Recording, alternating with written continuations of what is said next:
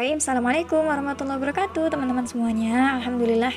Nah kita ini masuk ke resume ini ya Resume kisah Aisyah radhiyallahu anha. Jadi udah kita bahas kemarin dari part 1 sampai 4 Dan insya Allah nanti ada part bonus juga. Nah kita mulai dari uh, ayahnya Aisyah ya Yang bernama Abu Bakar As-Siddiq.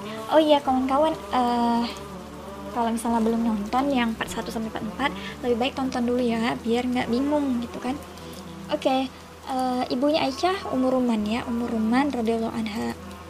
Yang merupakan salah satu sahabiah yang sangat-sangat luar biasa juga ya teman-teman. Jadi ayah dan ibu Aisyah ini memang benar-benar uh, pejuang-pejuang Islam gitu yang luar biasa. Dan Aisyah memang tumbuh dalam keluarga yang Islamnya itu kuat ya teman-teman.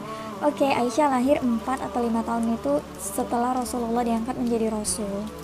Nah jadi Aisyah itu lahir 4 atau 5 tahun setelah Rasulullah diangkat menjadi menjadi seorang rasul. Oke, kemudian kita akan bahas tentang uh, julukan ya, julukan dari Aisyah. Jadi yang udah nonton part 1 pasti tahu ya. Nah, yang pertama adalah Ummul Mukminin, yaitu ibunya orang-orang mukmin. Jadi setiap istrinya Rasulullah itu mendapati julukan otomatis mendapati julukan Ummul Ummul Mukminin, teman-teman ibunya orang-orang mukmin. Kemudian yang kedua al humaira gitu yang kemerah-merahan ini panggilan panggil Rasulullah kepada Aisyah karena Aisyah memang uh, berkulit putih dan wajahnya itu kalau terkena terik matahari itu kemerah-merahan gitu. Terus uh, uh, uh, asidikoh ya asidikoh ini yang membenarkan artinya. Kemudian Ummu Abdullah ibunya ibunya Abdullah gitu ya. Nah ini uh, Abdullah ini salah satu keluarganya Aisyah gitu. Nah kemudian uh, keistimewaan Aisyah. Oke, keistimewaan Aisyah itu yang pertama teman-teman ayo siapa yang inget banyak ya ada banyak banget sih keistimewaan Aisyah. Nah yang pertama itu uh, paling banyak meriwayatkan ini ya meriwayatkan hadis ya. Jadi Aisyah ini kalau misalnya di, uh, yang dari kalangan wanita itu Aisyah yang paling banyak meriwayatkan meriwayatkan hadis teman-teman. Luar biasa ya karena Aisyah memang ingatannya itu kuat ya. Kemudian paling dicintai Rasulullah. Ini juga ada hadisnya ya teman-teman. Kalau dari kalangan wanita hadisnya Aisyah gitu yang paling Rasulullah cintai. Kalau dari kalangan laki-laki ayahnya yaitu Abu Bakar. Kemudian setelah Abu Bakar itu adalah Umar ya. Oke okay. kemudian yang ketiga uh, Aisyah ini merupakan uh, satu-satunya wanita yang Rasul nikahi ketika Aisyah itu masih masih gadis teman-teman. Sedangkan istri-istri Rasulullah yang lain itu Rasulullah nikahi ketika sudah sudah menjadi janda gitu ya. Jadi hanya Aisyah lah satu-satunya istri Rasulullah yang Rasul nikahi itu masih gadis gitu ya. Oke kemudian yang keempat adalah istri ketiga Rasul. Jadi Aisyah itu merupakan istri ketiga Rasulullah Sallallahu Alaihi Wasallam setelah Khadijah binti Khuwailid radhiyallahu anha dan juga Saudah ya Saudah radhiyallahu anha Nah, kemudian uh, yang kelima, yang kelima adalah uh, syariat tayamum ya teman-teman. Itu diturunkan asbab Aisyah, sebab Aisyah ya, karena saat itu kalung Aisyah itu sempat hilang gitu. Kemudian Rasulullah menyuruh para sahabat untuk membantu mencarinya, dan itu udah mulai udah masuk waktunya sholat, sedangkan mereka nggak nggak nemu air gitu. Kemudian Allah turunkanlah uh, ayat yang berkaitan kalau misalnya kita tuh nggak dapatin air itu kita bisa pakai kita bisa gunakan tayamum gitu pakai debu gitu ya. Oke kemudian cerdas dalam berbagai ilmu jelas Aisyah ini sangat-sangat cerdas teman-teman. Dididik oleh dua orang tua yang luar biasa kemudian dididik langsung oleh Rasulullah. Jadi Aisyah ini cerdas dalam berbagai ilmu ya. Baik itu ilmu balaghah balaghah ini adalah salah satu cabang ilmu dalam bahasa Arab ya teman-teman. Kemudian ilmu fikih ilmu kedokteran ilmu faraid atau waris. Jadi luar biasa luas masya Allah ilmu Aisyah ini ya. Ilmu Aisyah radhiallahu anha. Kemudian karena ilmu Aisyah ini yang luas jadi Aisyah ini menjadi tempat bertanya para para sahabat teman-teman. Ya e, sepeninggalnya Rasulullah ketika Rasulullah sudah wafat gitu kan. Jadi para sahabat ini kalau bingung-bingung nih tanya sama Aisyah. Karena Aisyah memang punya ingatan yang kuat dan salah satu orang yang paling dekat dengan Rasulullah juga gitu kan. Kemudian selanjutnya adalah pernah melihat malaikat Jibril gitu. Bahkan Aisyah radhiyallahu anha ini pernah mendapat salam gitu dari dari malaikat Jibril melalui Rasulullah sallallahu alaihi wasallam.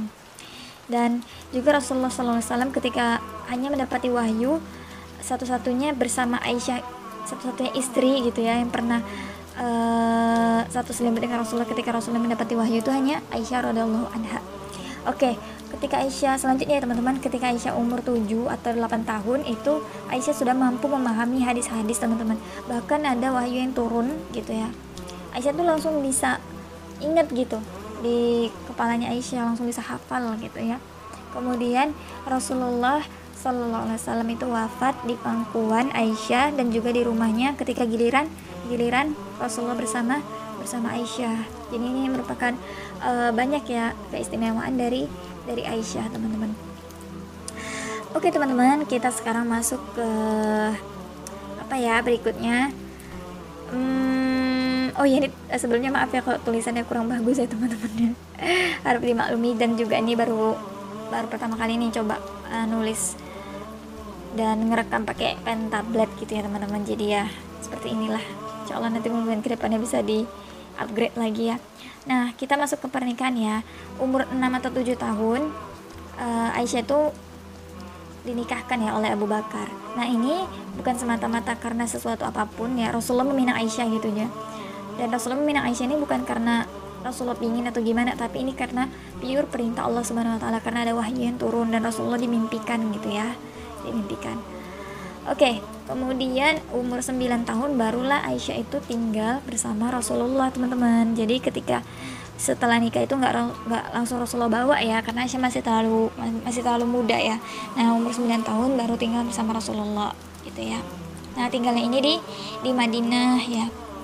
Dan di rumah yang cukup sederhana ya dekat masjid. Oke, okay, next kita masuk ke apa ya peristiwa penting mungkin ya peristiwa penting yang pernah yang cukup menggemparkan gitu ya. Pasti udah pada tahu ya ini kita bahas di part 3 kemarin yaitu tentang ya benar sekali tentang hadits hadits sulif ifki atau berita bohong atau hoax ya di mana Aisyah ini difitnah uh, telah berselingkuh ya teman-teman dengan Safwan Nah, padahal sebenarnya itu tidak benar ya teman-teman. Nah, kalau mau tahu cerita jelasnya, sejelas-jelasnya bisa dilihat di part 3 ya, teman-teman.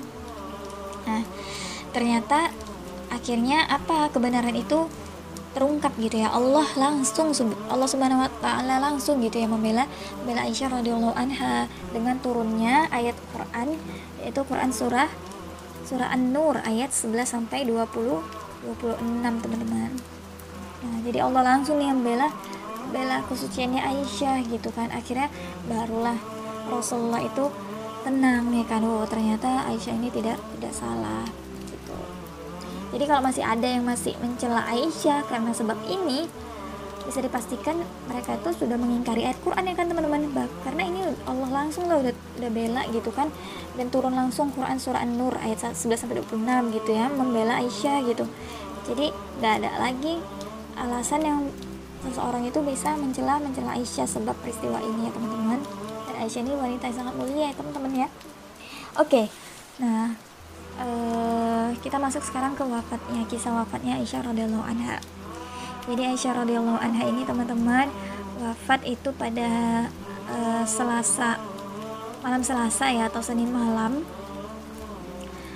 Nah, malam Selasa atau Senin malam itu yaitu pada tanggal 17 Ramadan. 17 Ramadan pada tahun 57 ya atau 58 Hijriyah ya. Yaitu uh, kalau di tahun Masehi itu 16 Juli sekitar 16 Juli 678 Masehi. Nah ini uh, Aisyah wafat ini pada pada masa pemerintahannya Muawiyah dan pada usia sekitar 63 atau 64 tahun sekian bulan gitu ya teman-teman. Atau ada juga yang bilang itu sekitar 65 atau 66 gitu. Nah ini hitung-hitungannya memang agak-agak beda-beda tipis gitu ya teman-teman ya. Ya sekitar segitulah. Nah. Oke. Okay. nah uh, selanjutnya kita bahas yang mengimami ya. Jadi Aisyah ini memang e, mewasiatkan jika meninggal nanti ingin diimami oleh Abu Hurairah ya teman-teman. Dan imam salat jenazah Aisyah adalah Abu Hurairah bersama e, Gubernur Madinah ya. Marwan bin Hakam. Ini maaf, maaf ya ada salah. Bukan bukan Hakam tapi Marwan bin Hakam gubernur Madinah. Saat itu ya.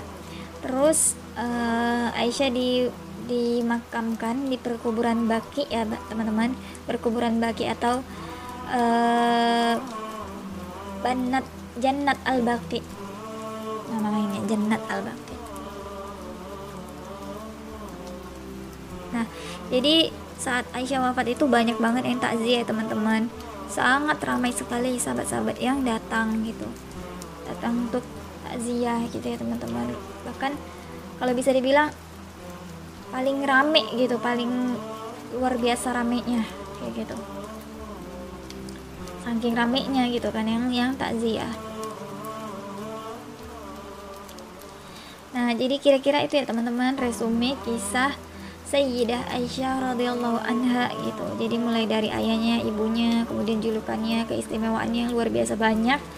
Nah, kemudian pernikahannya bagaimana, terus peristiwa penting gitu ya yang terjadi.